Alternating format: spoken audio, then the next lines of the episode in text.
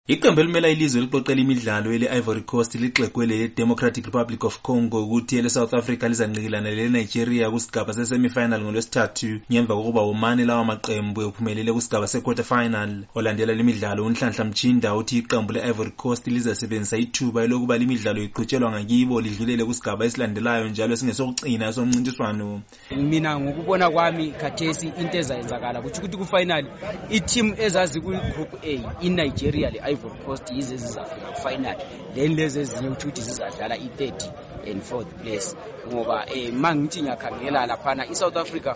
ngiyayibona iyadlala iqhubekile impela yadlala ngokuqinisela nani nani kodwa inigeria izanqoba ku-south africa then eh, i-ivory coast izanqoba ku-drc umlandeli womdlalo wenguqu usabelo masuku ohlala esigodini laye uthi kufanele kuzangena iqembu le-ivory coast kanye lelenigeria hhayi afcon ngikhangele sibili but inigeria izafika kufinali isidle i-south africa njalo i-cote divoir izakudla i-drc zingene zonke kufinali inigeria isiphikile sidlala kuhle njalo i-cote divoir isisebenzisiwe omu-advantage ngifakele lama-senior players ayo ale-experience lapha olilunga lenhlanganiso yabalandeli beqembu layo elendazi eleheart and soul uphicot hadebe yena uthi akukho lula ukukhetha ukuba yiwaphi amaqembu azadlulela phambili ngemva kwemidlalo yesemifinal ngiyawabona ngiyawabona ama-semifinal ziyadlala sibili but kuzima ukuthi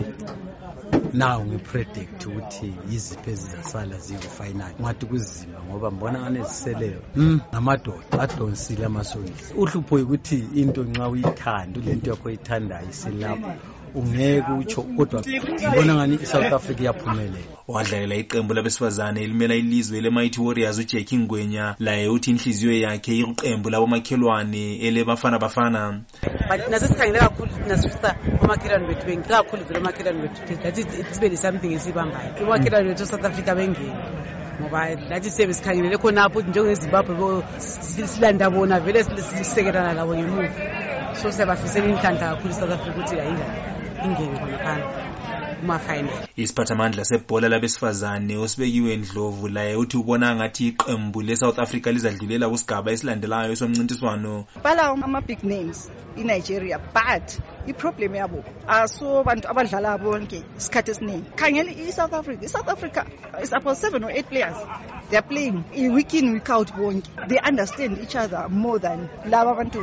inigeria ngathi kuyabe kudlala ama-names bengama-individuals but i-south africa they, they understand ukhombona ngani kuthiwa bengawina ohlala elokitshini lemzilikazi undaba ezinhle nkomo laye uthi iqembu le-south africa lingayiphakamisa inkezo ngiyibona ngani sibili ingayithatha ngibona ngani ingaba yi-south africa ngoba ngendlela abaziorganize ngayo langendlela abadlala ngayo lamathimu aseleyo ambona ukuthi angayidli bona ngani ingathatha i-ivory cost ngibona ngani iyasurvive iyisurvive elokhuzele emdlalweni lowo ungakhangela ukwenza kwayo since iqalisileyo